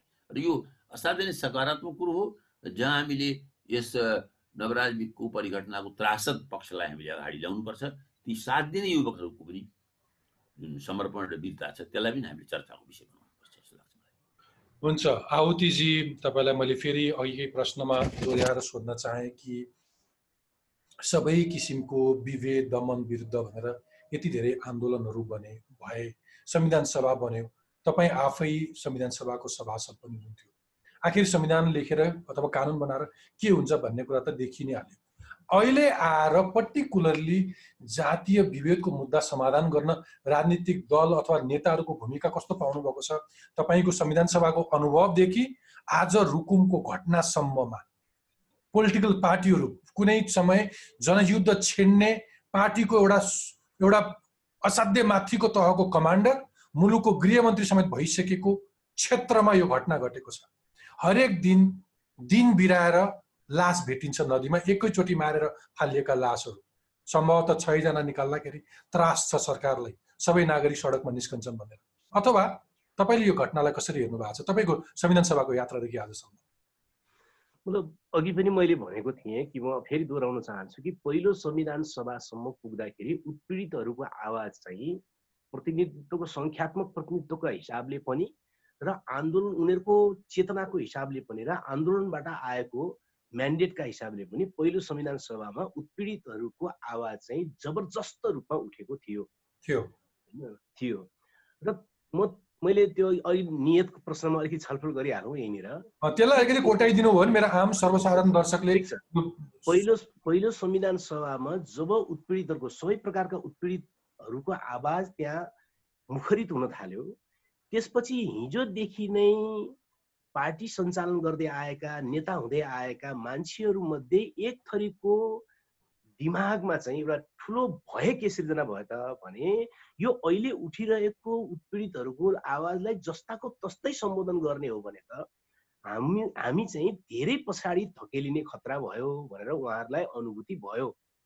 त्यो भनेको कसरी कसरी त्यो फियरको जस्टिफिकेसन कसरी दिनुहुन्छ तपाईँले? यसरी भयो सकिन्छ भने नि। कस्तो? यसरी दिन सकिन्छ नि। म तपाईँलाई एउटा समितिको कुरा गर्छु है त। त्यति बेला बनेको एउटा समिति के समिति थियो त भन्दाखेरि चाहिँ मौलिक अधिकार समिति एउटा थियो अथवा संविधानमा मौलिक अधिकार के के राख्ने भन्ने समिति थियो। त्यो मौलिक अधिकार समितिमा के गरियो त भने म दलितको उदाहरण राखिदिन्छु। दलितहरूको सन्दर्भमा चाहिँ त्यो मौलिक अधिकार अन्तर्गत राख्न हुँदैन भन्ने बहस चल्यो। हेर्नुहोस् है राख्नु हुँदैन भन्ने। मौलिक अधिकारमा राख्नु हुन्न भन्ने बहस चल्यो। र धेरै ठुलो सङ्घर्षपछि त्यहाँ एउटा बुदा मात्रै राखियो। त्यो के राखियो त भने छुवाछुत सम्बन्धी विषय मात्रै मौलिक अधिकारमा राखियो। त्यसपछि मौलिक अधिकारमा हुनुपर्ने सम्पूर्ण अधिकार मौलिक अधिकारको समितिबाट नआएपछि तपाईँलाई याद होला सबभन्दा पछाडि रिपोर्ट कसले बुझाएको थियो त भने राज्य पुनर्संरचना समितिले बुझाएको थियो रिपोर्ट सबभन्दा पछि प्रतिवेदन। त्यो समितिबाट अनि दलितहरूको मौलिक अधिकार के हुनुपर्छ भन्ने कुरा त्यो समितिले बुझाएको हेर्नुहोस् है मौलिक अधिकार समितिले नल्याइदिएपछि त्यहाँ ठुलो सङ्घर्ष भएर नल्याइदिएपछि अनि राज्य पुनर्संरचना समितिले चाहिँ अनि दलितहरूको मौलिक अधिकार के हुनुपर्छ भनेर चाहिँ त्यहाँ राख्नु परेको स्थिति थियो। होइन? प्रष्ट देखिन्छ त्यो एकदम छर्लङ्ग त्यस कारण नियत मैले कहाँनिर भने त भने सबैको नियत खराब भने होइन। तर हिजोदेखि परम्परादेखि शासन गर्दै आइरहेको एउटा जमातमा चाहिँ एउटा भय पैदा भयो। होइन तर भए त भए त त्यो हाउजी मात्रै भयो नि त। त्यसले पर्ने त होइन नि। होइन न। त्यसले उसले लुज गर्नुपर्ने त केही पनि छैन नि। बुझाइदेऊ। न अहिले। यो मौका पनि बुझाइदिने। म भन्दैछु त्यसपछि दलितहरूको बारेमा मस्यौदा हुँदाखेरि जे जे कुरा पर्यो संविधान सभा त विघटन गरियो। होइन? संविधान सभाको जे जे भने पनि उत्पीडितहरूको अधिकार चाहिँ बढी पर्न लाग्यो भनेर विघटन भयो सरल भाषामा होइन? त्यसपछि दोस्रो संविधान सभासम्म पुग्दा त माओवादी पनि पतनको दिशामा गइहाल्यो होइन? अब संविधान सभाको बनावट पनि कस्तो भयो त भने पहिलो संविधान सभा जस्तो भएन। र दोस्रो संविधान सभामा पुगिसकेपछि दोस्रो संविधान सभा भनेको के चिज बन्यो त भन्दाखेरि पहिलो संविधान सभाले गर्न खोजेको व्यवस्थाहरूलाई कमजोर कसरी पार्ने भनेर होमवर्क गर्ने समिति बन्यो अब होइन होमवर्क गर्ने होइन? र चाहिँ कस्तोसम्म गरियो त भने म तपाईँलाई हास्यास्पद कुरा पनि कतिसम्म गर्न सक्दो रहेछ त? तर्सिएको मान्छेले भन्ने म तपाईँलाई भन्न चाहन्छु। मौलिक अधिकार पनि कानुन बनाएर लागू गर्ने भनेर भनियो त्यहाँ, होइन? मौलिक अधिकार कानुन बनाएर लागू गर्ने भनेपछि अब अब मानिसको बाँच्न पाउने हक हुनेछ भने पनि के गर्नुपर्ने हुन्थ्यो त भने मानिसको बाँच्न पाउने हक चाहिँ कानुन अनुसार हुनेछ। त्यस्तोतिर लगियो होइन? दलितहरूको भूमि अधिकार चाहिँ कानुन अनुसार हुनेछ शिक्षाको अधिकार कानुन अनुसार हुनेछ भनेर सबै कुरा भताभुङ्ग पार्नका निम्ति दोस्रो संविधान सभालाई प्रयोग गरियो।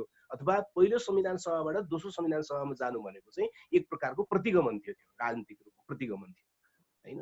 त्यस कारणले त्यहाँ नियत साफ हुन्छ। अहिले अहिले प्रष्ट छ। तपाईँ जब सङ्घर्ष गर्न थाल्नुहुन्छ अन्त व्यक्ति आउँछ नि सङ्घर्ष गर्दा त।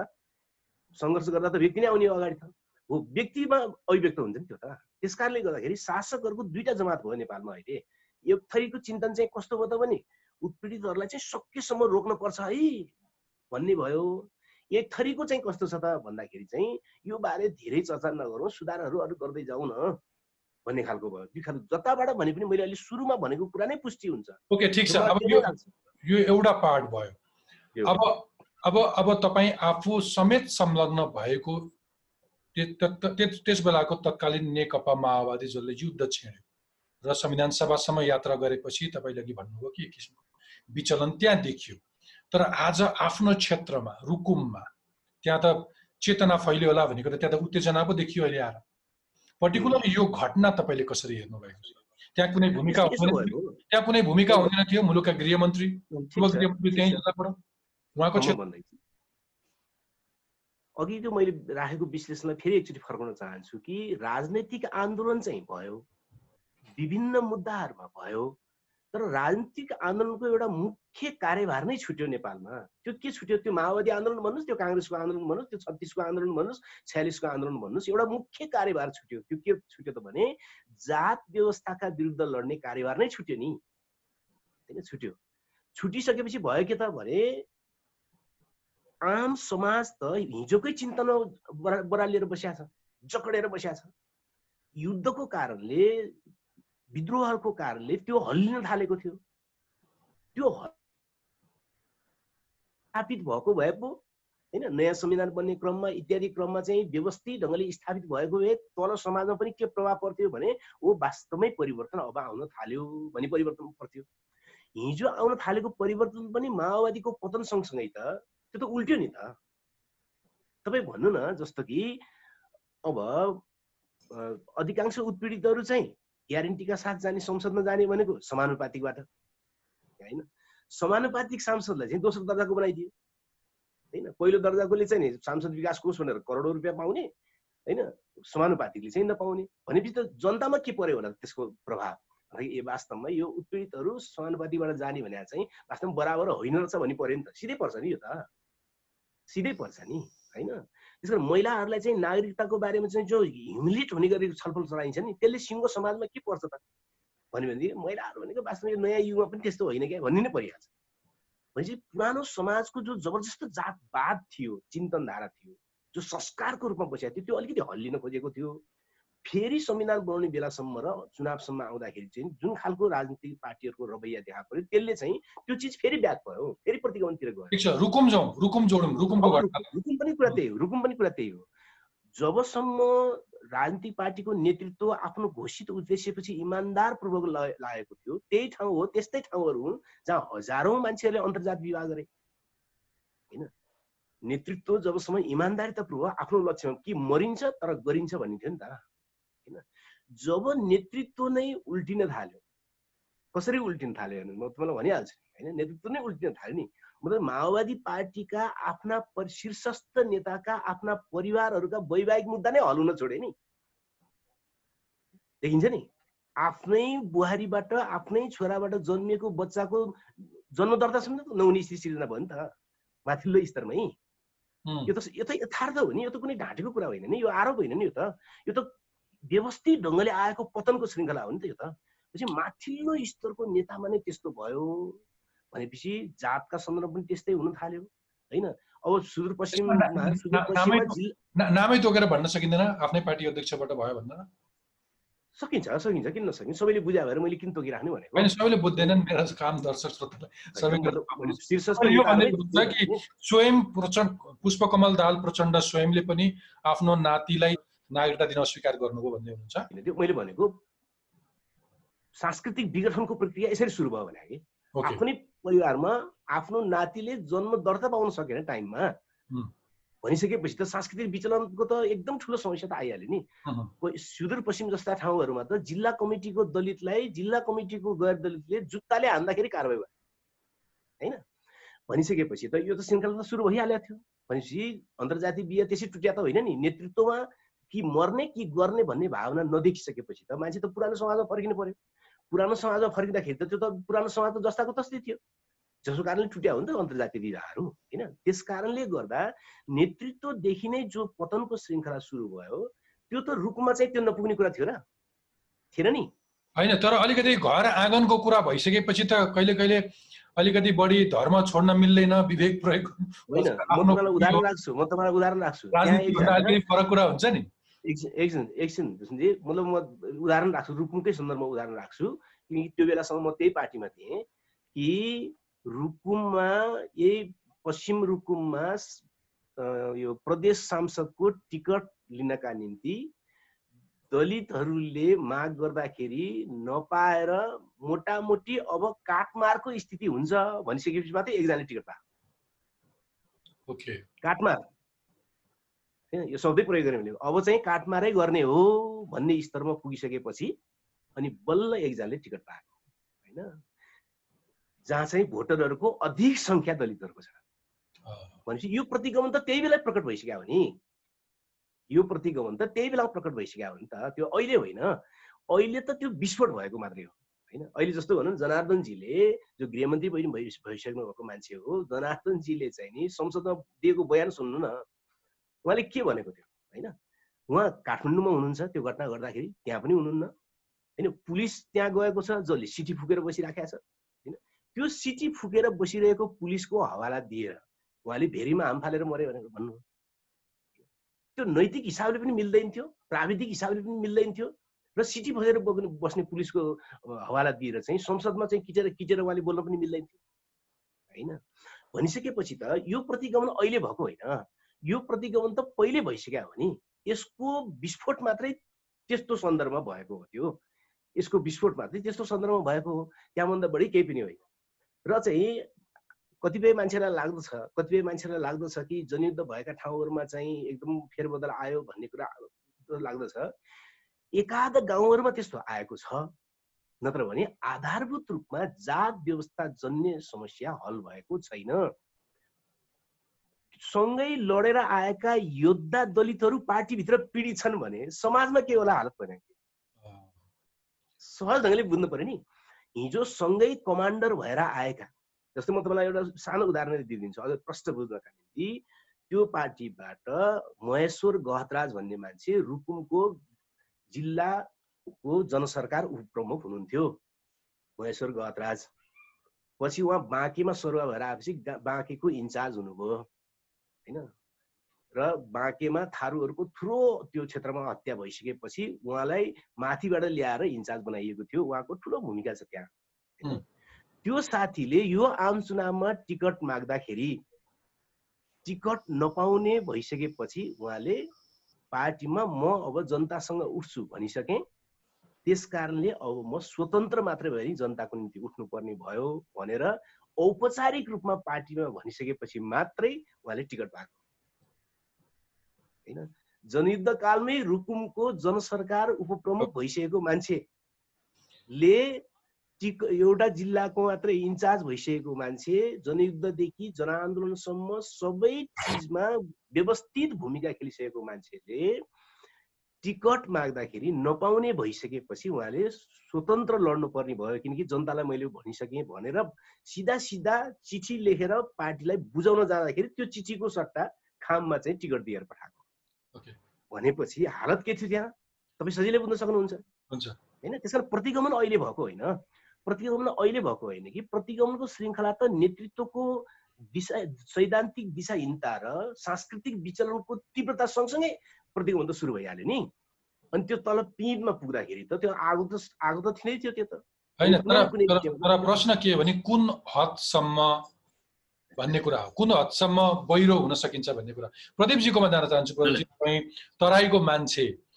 अहिले पहाडको केही दृष्टान्तहरू आयो तर समग्र देशलाई हेर्दाखेरि जातीय विभेद सबैभन्दा बढी तराईमा पनि छ होला। सिराको मान्छे त्यहाँ तपाईँले चमारहरूको आन्दोलन देख्नुभयो। अहिले पनि त्यहाँ कसैले इनार छोएको नाममा ठुल्ठुला हिंसाका घटनाहरू हुन्छन्। मानौ त्यहाँ हाम्रो प्रशासन छैन अथवा हाम्रो राजनीतिक संरचना छैन। त्यसले कामै गरे जस्तो लाग्दैन। यो तराईको विभेदको मुख्य कारण चाहिँ केसँग गएर जोडिन्छ? यो जातीय मानसिकता अथवा आर्थिक अवस्था के कुरामा जोडिन्छ? मानसिकता अथवा सांस्कृतिकता र जुन तपाईँले भन्नुभयो आर्थिक विभेद यिनीहरू साथ एउटै सिक्काका पहलु अलग अलग पहलु कुरा फेरि बारम्बार भन्दैछु रुखलाई हेर्दा जङ्गल बिर्सिनु हुँदैन जङ्गल हेर्दा रुख बिर्सिनु हुँदैन। दुइटै अस्तित्व हुन्। भने जस्तै जसले आफ्नो कटु अनुभवबाट कतिपय वाइद्य उदाहरण दिनुभयो। समग्रमा हामी के देख्छौँ दुनियाँभरिमा तपाईँले क्रान्तिको इतिहास हेर्नुभयो भने American war of independence French revolution Russian revolution Chinese revolution अनिवार्य के देखिन्छ भने एक थरीका मान्छे सत्तामा रमाउन थाल्छन्। एक थरीका मान्छे सत्ता बाहिर बसेर हिजोको आदर्शका लागि लड्न थाल्छन् हामी यतिका लागि लडे हौ त भन्न थाल्छन्। यो आहुतिजीको कुराको पूरक मेरो क्षेपक मात्रै हो। र आहुतिजीले अगाडि राख्नुभएको प्रश्नमा बादलले अहिले म त कहाँ हुँदैन विभेद? अमेरिकामै छ भनेर उम्किनु खोज्नुभएको तपाईँले। हास्यास्पद वक्तव्य सुनिहाल्नु अब आउनुहोस् मधेसको विभेदको हकमा मधेस चाहिँ मलाई लाग्छ कि जस्तो अघि आउतले भने जस्तै पहिलो कुरो हामीले हाम्रो यहाँ सङ्घर्षको क्रान्तिको आन्दोलनको कार्यक्रममा हुँदा आफ्नो समाजलाई ठिकले बुझेनौँ। आफ्नो समाजलाई ठिकले बुझ्ने क्रममा पनि पहाड बुझ्ने एउटा कुरा हो। मध्य तराई हामीहरूको तराईमा सानो कुरा पहाड र तराईको तुलनामा तराईमा जातिको श्रृङ्खला पनि ज्यादा छ मलाई थाहा छ। जातिको सङ्ख्याले त्यसभित्रको अन्तर्पीडालाई ज्यादा व्यक्त गर्छ। कति विभाग छौँ त हामी भन्ने कुरा। तर त्यहाँ तराईमा ज्यादा समस्या तराईमा जुन विकृत हुने समस्या हो त्यो अलिक भूमि प्रणालीसँग सम्बन्धित छ। जसलाई हामी दलित भन्छौँ तिनीहरू सबै त्यसलाई जन भनिन्छ त्यहाँको स्थानीय भाषामा जन मजदुर खेताला भन्नु पऱ्यो खेताला। र जुन उच्च जातिका वर्ग छन् ज्यादातर जस भूस्वामी छन्। र फेरि अलिकति त्यहाँ मुयानी हक पनि लागू भएको छ। त्यसो हुँदाखेरि तराईमा देखिने जातीय झगडा जाति उन्माद जाति विद्वेष चाहे त्यो तपाईँले भने जस्तै चमार आन्दोलनको काण्ड होस् चाहे डुम आन्दोलन भएको सप्तरीमा खास गरी ती काण्डहरू हुन् त्यो अलिकति त्यहाँको सामाजिक र आर्थिक व्यवस्थासँग जोडिएको छन् यसमा कुनै शङ्का छैन। तर हरेक परिस्थितिमा म एउटा कुरा जो हामी बारम्बार बिर्सिन्छौँ सबै बुद्धिजीवी बिर्सिन्छन् र नेपालका बुझ झन् बिर्सिन्छन् त्यही समाजमा समाजका कुरीतिसित समाजका अन्यायसँग लडिरहेका प्रवृत्ति पनि हुन्छ। म यो पाहाडतिर पनि भन्छु र मधेसमा पनि भन्छु। कबीरदास भन्ने एकजना कुनै जमानामा साधु थिए। तपाईँ मधेसमा जानुभयो भने कबीरदासको धेरै प्रभाव पाइन्छ। कबीरदासका भजनको र सिङ्गो कबीरदासको साहित्य जाति प्रथाका विरुद्धमा र हिंसाका विरुद्धमा प्रेरित थियो। कबीरदासले जातिबाजीलाई कसरी चुनौती गरे जो कहता बाभन का जाया, दूसरे मारक क्यों नहीं आया? तँमा खास बाहुनुबाट फुर्ती गर्छस् भने तँ पनि त्यही बाटो किन आएको त महिलाको त्यही अङ्गबाट अर्को अङ्गबाट निस्किएको हुन्थ्यो नि त मुखबाट किन निस्किनेस् त बाहुन त मुखबाट निस्क्यो भन्छ नि मुखबाट बाहुन निस्क्यो अब ऋग्वेदमा भने जस्तै जो कहता बाभन का जाया, दूसरे मारक क्यों नहीं आया? जात न पूछो साधु की, पूछ लीजिए ज्ञान। मोल करो तरबार की, पडा रहनु दो ज्ञान।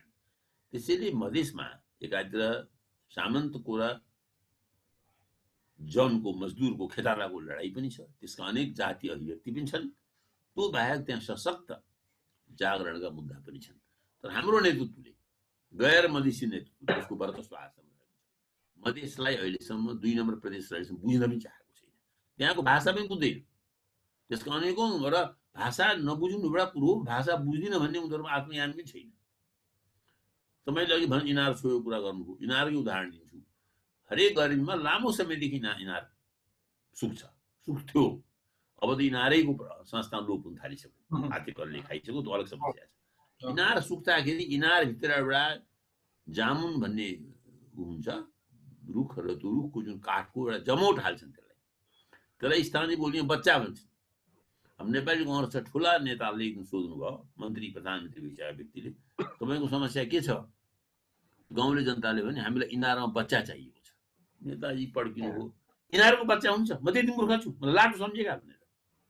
मतलब सबभन्दा ज्यादा मधेस उपेक्षित छ राज्यको उपेक्षाबाट। मधेस पीडित छ राज्यको दलनबाट। मधेस उपेक्षित छ राज्यको अज्ञान अज्ञानबाट। र त्यही राज्यको अज्ञान र पुलिस प्रशासनको लापरवाहीले गर्दाखेरि बेला बखतमा कहिले तपाईँले भने जस्तो काण्ड कहिले चमार काण्ड कहिले बलात्कार काण्ड कहिले हत्याकाण्ड हुन्छ। त्यही पनि यस अत्याचारका दृष्टिले दुई प्रदेशको त्यत्रो बर्बर उदाहरण छैन जस्तो हामी रुकुममा देख्यौँ। रुकुमको जस्तो बर्बरता रुकुमको जस्तो हिंसात्मकता मलाई मधेसमा अनुभव हुँदैन। मधेसमा अपेक्षाकृत हिंसाभन्दा अहिंसाको वातावरण छ भन्ने मलाई लाग्छ र यो दलनभन्दा पनि घुलनको वातावरण छ जस्तो लाग्छ मलाई। यो त्यसको त्यहाँको संस्कृति बुझेर जानुपर्छ। ओके म आउदीजी तपाईँलाई मैले अर्को एउटा प्रश्न सोध्न खोजेँ कि यो जब हामीले यो जातीय व्यवस्था अथवा जातीय जुन विभेदको कुरा गर्छौँ यो प्रसङ्ग आउने बित्तिकै बाहुन छेत्रीले उही चोरको खुट्टा काट भनेर भने जस्तै त्यो फटाफट अलिकति मैप्रति लक्षित हो कि भन्ने खालको एक किसिमको बुझाइ। सम्भवतः त्यही बुझाइले पनि यो यो यो यो अलिकति समतामूलक अलिकति न्यायमूलक समाजतर्फ अग्रसरता नभएको हो कि। अहिले प्रदीप गिरिजीले भने जस्तै तपाईँले अघि रुकुमबाट कुरा उठाए जस्तै। हरेक भूगोलमा हरेक ठाउँमा यो जातीय विभेद छ भने जस्तै हरेक जात जातिभित्र पनि विभेद छ नि होइन? त्यसलाई कसरी हेर्ने? त्यसलाई हामीले कति बुझेका छौँ? यो जातिको मुद्दा अथवा जातीय विभेद अथवा यो यो यो दलित पहाडे अथवा बाहुन क्षेत्री मात्रै नभएर हरेक जातिभित्र पनि छ नि होइन? हिन्दू समाजको जो बनावट छ मैले अघि पनि भनेको थिएँ कि हिन्दू समाजको बनावटमा चाहिँ कोही पनि मान्छे अर्को मान्छेसँग समान हुँदैन? कोही पनि मान्छे अर्को मान्छेसँग कि सानो हुन्छ कि ठुलो हुन्छ। एउटै जातभित्रको र एउटै परिवारको मान्छे पनि बराबर हुँदैन होइन? एउटा भन्दा कि त ठुलो हुन्छ कि त अर्को भन्दा एउटा भन्दा त्यो सानो हुन्छ। त्यस कारणले छुवाछुतको कुरा गर्दाखेरि पनि त्यसको मात्रा र त्यसको परिधि कति भन्ने मात्रै हो। तर प्रत्येक जातसँग प्रत्येक जातको छुवाछुत नभइकन हिन्दू समाज बनेकै हुँदैन होइन? त्यस कारण जस्तो जस्तो भनौँ न उपाध्य ब्राह्मण अथवा उपाध्य कुमाई भनौँ होइन? त्यसपछि अब कुमाई र पूर्वियाको बिचमा समस्या भइहाल्यो। त्यसपछि उपाध्य र जैसीको बिचमा भइहाल्यो। जैसीले झर्रो छेत्रीलाई हेप्ने झर झर्रो छेत्रीले छेत्रीलाई हेप्ने होइन? छेत्रीले घरती छेत्रीलाई हेप्ने अनि जनजाति आउने अनि दलित आउने अनि दलितभित्रको पनि तहगत तहगत तहगत संरचना गएर तराईको हलखोरसम्म पुग्ने। सबभन्दा पिँधमा को छ त भन्यो भने तराईको हलखोर भनेर मान्न सकिन्छ होइन? भनिसकेपछि कि यो समाजको बनावट नै त्यस्तो हो। यो समाजको बनावटमा कोही पनि व्यक्ति पनि के हरेक व्यक्ति अर्को व्यक्तिसँग असमान हुन्छ होइन? कि तल हुन्छ कि माथि हुन्छ। त्यस कारणले त अनि जात व्यवस्था भएको समाजमा कृत्रिम रूपमा समान बन्न पर्यो भने मित बन्ने अवधारणा हुन्छ नि होइन?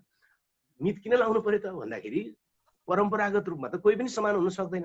अनि एकले अर्कालाई फाइदा लिनु पर्यो वा एउटा अर्कासँग शिष्टाचार गर्नु पर्यो भने त्यहाँ मितको अवधारणा कृत्रिम एउटा अवधारणा ल्याइन्छ। त्यस कारणले गर्दाखेरि यो त सबैसँग भेदभाव छ।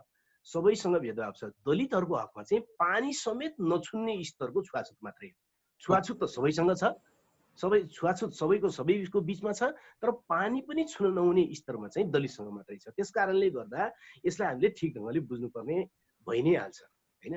अब जहाँसम्म चाहिँ दलितहरूले गैर दलितहरूले चाहिँ अलिकति मुन्टो बटार्ने अथवा कुरै सुन्नु खु- चोरको खुट्टा काट भने जस्तो हुने भनेर जो तपाईँले प्रसङ्ग उठाउनु भएको छ। पहिलो कुरा यहाँ स्थापित गर्नुपर्ने कुरा के हो भने विगतदेखि नै भारतीय समाज होस् वा नेपाली समाज होस् गैर दलितहरूको एउटा हिस्सा जहिले पनि जात व्यवस्थाको विरुद्धमा र उत्पीडितहरूको पक्षमा खुलेर आएको छ। त्यो सानो सङ्ख्या होला कहिले धेरै सङ्ख्या होला। त्यो ऐतिहासिकता यो दक्षिण एसियामा रहँदै आएको छ। र अहिलेको चरणमा भन्ने हो भने चाहिँ युवा युवाहरूको एउटा विशाल फौज नै यस प्रकारको अन्याय अत्याचारको विरुद्ध चाहिँ खुलेर सडकमा आउने अनि खुलेर चाहिँ बोल्न थालेको छ। त्यो पनि अर्को खुसीको कुरा छ। यसले समाजमा केही न केही चेतनामा परिवर्तन ल्याउन खोजिराखेको छ भन्ने कुरा नै देखिन्छ। तर समस्या कहाँनिर हो त भने अन्याय अत्याचारका विरुद्ध बोलेर पुग्दैन। यहाँ समस्या यो यहाँ यहाँको समस्या यो के समस्या हो त भने जसरी बलात्कारका विरुद्ध बोलेर पुग्दैन। किनकि समाजमा अहिलेसम्म कति लाख बलात्कारीहरूलाई सजाय गरियो होला त? होइन समाजमा अहिलेसम्म संसारभरि हेऱ्यो भने कति लाख बलात्कारीलाई सजाय गरियो हुँदा हुँदा दलित पृष्ठभूमिको तेह्र वर्षीय बालिकालाई एउटा गैर दलितले बलात्कार गरे पछि तिनले त्यो समाजमा अनुहार देखाउन सकेनन् बिचरा। तिनलाई यति धेरै दबाब भयो कि त्यो तेह्र वर्ष एउटा बालिकाले आत्महत्या गरिन्। तिनको समाचारै छैन। रुकुमले डोमिनेट गरिरहेछ। त्यसमा म भन्दैछु कि संसारभरि कति लाख बलात्कारीहरूलाई सजाय गरियो होला अहिलेसम्म? तर बलात्कारको श्रृङ्खला त रोकिएन। यसको मतलब के त भने बलात्कारी उत्पादन गर्ने पितृसत्तात्मक समाज चाहिँ जोगाइराख्ने अनि त्यो समाजको परिणाम जन्मिएको बलात्कारीलाई मात्रै सजाय गर्न मात्रै बोलिराख्यो भने यो समस्या हल हुँदैन ठिक त्यसै गरी त्यसै गरी जातीय भेदभाव जन्माउने जात व्यवस्था चाहिँ सबैतिर कायम राखिराख्ने। अनि जातीय भेदभावको घटनामा चाहिँ त्यसको विरोधमा बोलिराख्ने भयो भने यो त लगातार पुनरुत्पादन भइराख्ने हुन्छ नि। व्यक्ति फेरिन्छ सन्दर्भ फेरिन्छ तर उत्पीडनको घटना त आइरहने हुन्छ। त्यस कारणले आजको नयाँ पुस्ता जो दलित र गैर दलितमा जो प्रगतिशील पुस्ता देखा परेको छ उसको अगाडि चाहिँ एउटा नयाँ कार्यभार थपियो भन्ने मलाई लाग्छ त्यो नयाँ कार्यभार के हो त भन्दाखेरि चाहिँ जात व्यवस्थाकै विरुद्धमा उनीहरू लाग्न सक्नुपर्ने हुन्छ। आफ्नो पार्टीभित्र जात व्यवस्था कसरी बसिएको छ त्यसको विरुद्ध लाग्न सक्नु पर्यो। आफ्नो क्लबमा जात व्यवस्था कहाँनिर बसिएको छ त्यो क्लबमा लाग्न सक्नु पर्यो। आफ्नो परिवारमा जात व्यवस्था संरचना कसरी भएको छ? त्यहाँ लड्न सक्नु पर्यो होइन? र आफ्नो प्रशासनमा जात व्यवस्था कसरी टिकिरहेको छ त्यहाँ लड्न सक्नु पर्यो। हेर्नु जात व्यवस्था कसरी टिकेको छ भने त्यही प्रदेश छ नम्बर प्रदेश कर्णाली प्रदेशमा जो घटना घटेको छ त्यही कर्णाली प्रदेशमा देशको सबभन्दा बढी दलितहरू छ। तेइस प्रतिशत भन्दा बढी त्यहाँ छन् अब मन्त्रीमण्डलमा जात व्यवस्था कसरी बसिएको छ त? भन्दाखेरि एकजना दलित पनि मन्त्री छैन। होइन? हेर्नु जात व्यवस्था त्यहाँ छ नि। हो अनि त्यहाँको गैर दलित पुरानो समाजले कसरी सोध्छ त? यिनीहरू तेइस प्रतिशत भएर के गर्ने? यिनीहरू युद्धमा हिँडेर के गर्ने? यिनीहरूलाई पार्टीले दिँदैन भनेर सोध्छ। होइन? भनिसकेपछि त मान्छेको हैसियत अनुसारको हुने कुरा हो। मान्छेको हैसियतको कुरा त हो नि यो। जात व्यवस्था भनेको हैसियत कुरा हो। हैसियत कहाँबाट निर्माण हुन्छ त? भने अर्थतन्त्रबाट निर्माण हुन्छ राजनीतिबाट निर्माण हुन्छ र सामाजिक चाहिँ संस्कृतिबाट निर्माण हुन्छ। त्यो ठाउँहरू त्यस्ता संरचनाहरूमा चाहिँ उनीहरूलाई स्थान दिनुपर्छ र त्यस्ता संरचनाहरू चाहिँ जात व्यवस्था विरोधी बनाउनु पर्छ भन्नेमा चाहिँ नलाग्ने त्यसबाट उत्पन्न भएको घटनालाई मात्रै समाधान गर्न खोज्ने हो भने आजको नयाँ पुस्ताले पनि यो समस्या समाधान गर्नेतिर जान सक्दैन। त्यस कारणले अबको हिजोको पुस्ता थियो यो छुवाछुत भेदभाव हटाइदिउँ न भनेर कानुन सानुन बनाउने। तर अबको राजनीति अबको सामाजिक जागरण अबको सांस्कृतिक रूपान्तरणको प्रयत्न र अबको सम्पूर्ण प्रयत्न भनेको चाहिँ तत्कालमा घटेका अपराधका घटका विरुद्ध त लड्नै पर्यो त्यो त केही उपाय नै छैन सजाय गर्नै पर्यो म त भन्छु यसलाई राष्ट्रिय सङ्कल्पको रूप दिनु पर्यो अब त। जबसम्म रुकुम हत्याकाण्ड सामूहिक हत्याकाण्डलाई न्यायमा पुर्याउन सकिन्न त्यो बेला दलित र गैर दलित सबै न्यायप्रेमीहरूले एउटा राष्ट्रिय सङ्कल्पको रूपमा लाग्न सङ्कल्प गर्नु पर्यो त्यो त गर्नै पर्यो तर त्यतिले मात्रै नपुग्ने भयो कि समाजमा रहेको जात व्यवस्थाका सबै आयामलाई भत्काउनेतिर लाग्नु पर्यो अनि मात्रै यसको पुनरुत्था उत्पादन नहुने हुन्छ। ओके हुन्छ। प्रदीपजी अब ठ्याक्कै आहुतिजीले करिब करिब हामी अन्त्यमा पुगि पुग्दैछौँ भनेर नभनिकन उहाँले निष्कर्षतिर लानुभयो अहिलेको संवाद बडो बडो गहिरो बहस छ।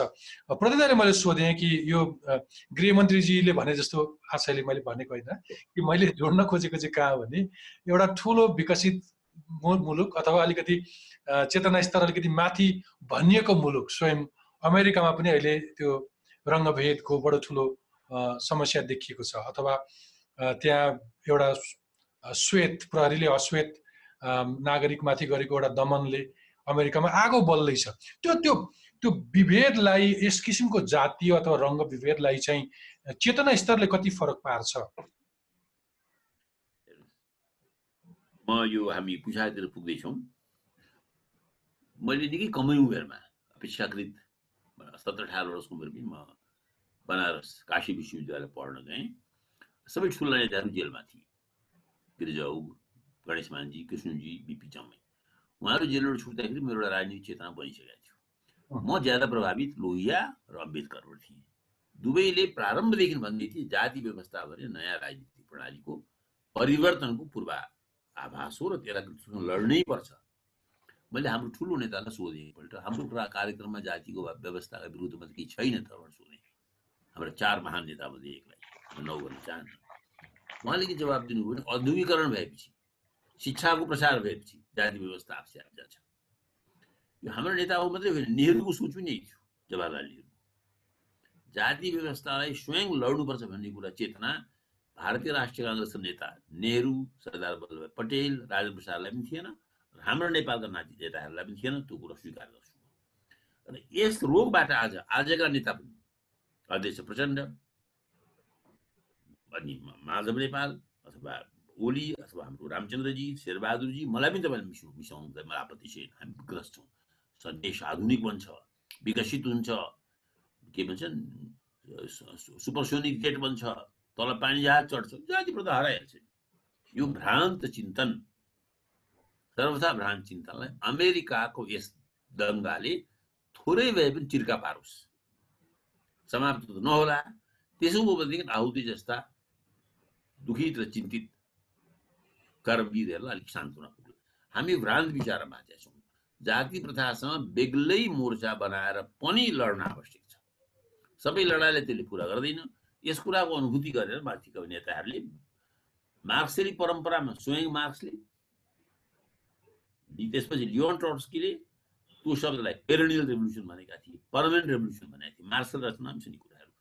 हिन्दुस्तानमा आइसकेपछि सम्पूर्ण क्रान्ति जयप्रकाश नारायणले भन्नुभएको थियो लोहियाले शब्द क्रान्ति भन्नुभएको थियो लोहियाको कार्यक्रमको केन्द्रमा जाति प्रथाको विनाश थियो जाति तोडो भन्ने उहाँको नारा थियो अम्बेदकर सधैँ हुनुहुन्थ्यो रामस्वामी नायक सधैँ हामी कहाँ अहिले आउतले सङ्केत गरे जस्तै हामीले जाति तोडो आन्दोलन चलाउनुपर्छ त्यो कसरी तोड्ने र त्यसलाई कसरी लैजाने भन्दा मसँग निश्चित विचार छ पहिलो तोलाई आर्थिक रूपले आफ्नो बनाउनुपर्छ गैर दलितलाई सांस्कृतिक रूपले सम्मत बनाउनुपर्छ मानवताको पाठ सिकाउनुपर्छ र त्यसपछि कानुनको क्रियान्वयन गर्नका लागि हामीसँग स्वयंसेवकहरू देशभरि परिचालित हुनुपर्छ।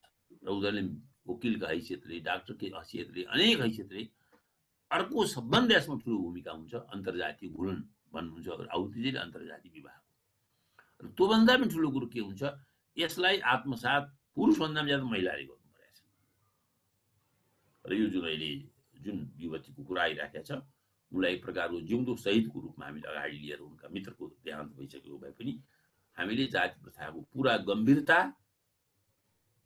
यसको विकरालता र सँगसँगै यसको जटिलतालाई बुझ्नमा तपाईँ जस्ता अभियन्ता, वैचारिक अभियन्ता समेत सहयोग अगाडि बढ्नुपर्छ मलाई लाग्छ। यसमा कुनै शङ्का छैन जाति प्रथाको समाजको ठुलो ठुलो ठुलो रोग हो र यदि दलित शुद्र पाइताला नै हुन् भने पनि वेदले भने जस्तै पाइतालामै क्यान्सर सुरु तपाईँको मुख र तपाईँको दिमाग कतिसम्म सत्य रहन सक्छ। अहिले हामीलाई जाति प्रथा रूपी क्यान्सरले पाइतालादेखि नै सही ग्रस्त गर्दै ल्याएको छ र पाइताला नै सिद्धिएपछि हामी हिँड्नै सक्दैनौँ त्यो अवस्था हाम्रो अहिले भएको छ। प्रदीप दाई तपाईँलाई तपाईँलाई धेरै धेरै धन्यवाद। केही जोड्न खोज्दै हुनुहुन्छ अन्तिममा। तपाईँको ऋग्वेदको पुरुष सूक्तमा ब्राह्मण चाहिँ मुखबाट निस्कियो। क्षत्रिय बाहुबाट निस्किए। वैश्य जाङबाट निस्कियो। र अघि साथ उहाँले नि भन्नुभयो त्यो कुरा शूद्र चाहिँ पाइतालाबाट निस्कियो भनेको छ।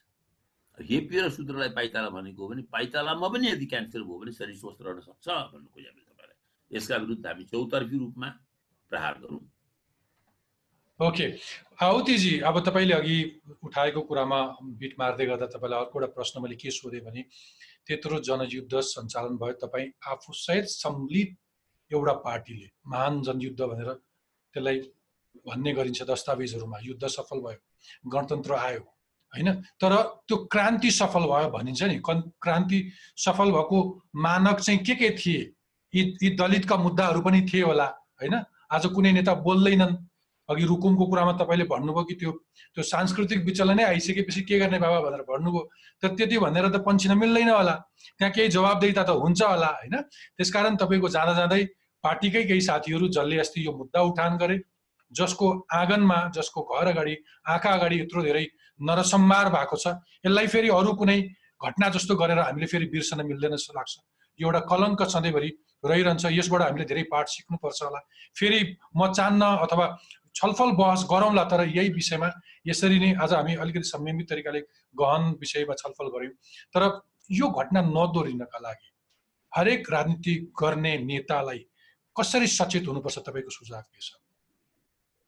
मतलब नेपाली समाजमा चाहिँ दलितहरूकै मुख्य प्रयत्नको कारणले हेर्नुहोस् है ध्यान दिनुपर्ने कुरा के छ भने नेपालमा कम्युनिस्ट पार्टी बन्नुभन्दा तिन वर्ष अगाडिबाट नेपालमा दलितहरूले आफ्नो प्रयत्न सुरु गर्छन् दुई हजार तिन सालबाट। होइन? र नेपालमा सामुदायिक आन्दोलनहरूमध्ये सबभन्दा जेठो आन्दोलन दलितहरूको र नेपालका राजनीतिक पार्टीहरूले अडचालिस सालसम्म त आफ्नो दस्तावेजमा यो विषयलाई छिर्न पनि दिएका थिए। दलित आन्दोलनले नै मेहनत गर्दा गर्दा गैर दलित नेताहरूको ठुलो भिडलाई र त्यो तिनीहरूको चङ्गुलमा परेको पार्टीलाई यो विषय चाहिँ नेपाली समाजको राजनीतिको केन्द्रीय विषय हो भनेर अनुभूति गराउन स्वीकार गराउन सम्भव भएको होइन? यहाँ बुझ्नुपर्ने कुरा। होइन? राजनीतिक पार्टीहरूले यो मुद्दा उठाइदिएर स्थापित भएको होइन। दलितहरूले उठाएर राजनीतिक पार्टीभित्र स्थापित गरे अनि राजनीतिक पार्टीहरूलाई यसलाई केन्द्रीय मुद्दा हो है राजनीतिको भनेर बाध्य भएको हो। त्यस कारणले अब आवश्यकता के छ त? भने हरेक राजनीतिक पार्टीभित्र त्यहीँबाट सुरु हुन्छ कथा मैले जानेसम्म। किनकि यो त्यहीँ अड्केको छ।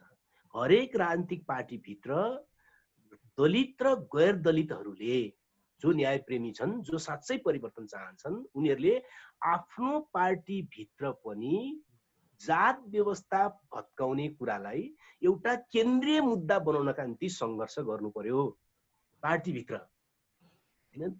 त्यही पार्टीले निर्णय गरेर प्रधानमन्त्री हुने त हो नि। त्यही। पार्टीले निर्णय गरेर लोकसेवा आयोग बन्ने त हो नि।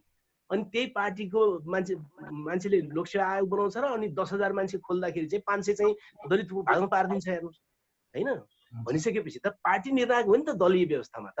त्यस कारणले हरेक पार्टीभित्र जबरजस्त रूपमा राज गरिरहेको जात व्यवस्थाको संरचना र चिन्तनका विरुद्ध लड्नका निम्ति हरेक पार्टीभित्र एउटा केन्द्रीय विषय अब बनाउनका निम्ति सङ्घर्ष गर्नु नै अबको एउटा मुख्य आवश्यकता हो भन्ने म ठान्छु। हुन्छ अवधिजी तर म चाहिँ जहिले पनि मेरा दर्शक श्रोतालाई आग्रह गर्दा अर्को पनि एउटा महत्त्वपूर्ण पक्ष चाहिँ नागरिक समाजको सदस्यको हिसाबले अथवा समाजको एउटा नागरिकका हैसियतले हरेक नागरिकको पनि भूमिका हुन्छ। मेरो व्यवहारले अर्थ राख्छ। मैले मेरो घरमा मेरा साना केटाकेटीलाई के सिकाएँ र कस्तो संस्कार दिएँ त्यसले पनि भोलि अरू अरू जात जातिका अथवा तपाईँले त भन्नुभयो जाति व्यवस्था नै खारेज गर्नुपर्छ। समाजका अरू सदस्यहरूलाई आफू जस्तै मान्छेलाई आफू जस्तै लाई कसरी व्यवहार गर्नुपर्छ भन्ने पनि अर्थ राख्छ जस्तो लाग्छ मलाई। परिवर्तन एउटा व्यक्तिबाट सुरु हुन्छ। मेरो आम मेरा दर्शक श्रोतालाई त्यही आग्रह कि जातका आधारमा कसैलाई पनि विभेद नगरौँ। कसैलाई विभेद भएको छ जातका आधारमा लिङ्गका आधारमा वर्गका आधारमा आवाज उठाउँ बोल्नौँ संवाद गर्न नछोडौँ प्रश्न गर्न नछोडौँ। आजका मेरा महत्त्वपूर्ण दुई अतिथि जातीय विभेद विरुद्ध सशक्त कलम चलाउँदै आउनुभएका लेखक साहित्यकार तथा पूर्व सभासद विश्वभक्त दुलाल आहुति र तराई क्षेत्रबाट संसदमा प्रतिनिधित्व गर्नुहुने नेपाली कङ्ग्रेसका नेता तथा चिन्तक प्रदीप गिरी आजलाई बिट मारौँ आजका मेरा अतिथिहरूलाई धेरै धेरै धन्यवाद र तपाईँ मेरा आम दर्शक श्रोता सबैलाई धेरै धेरै धन्यवाद। अर्को हप्ता यसरी नै भेटौँला। स्वस्थ रहनुहोस् सुरक्षित रहनुहोस्। आजलाई बिदा दिनुहोस्। नमस्ते। शुभरात्री।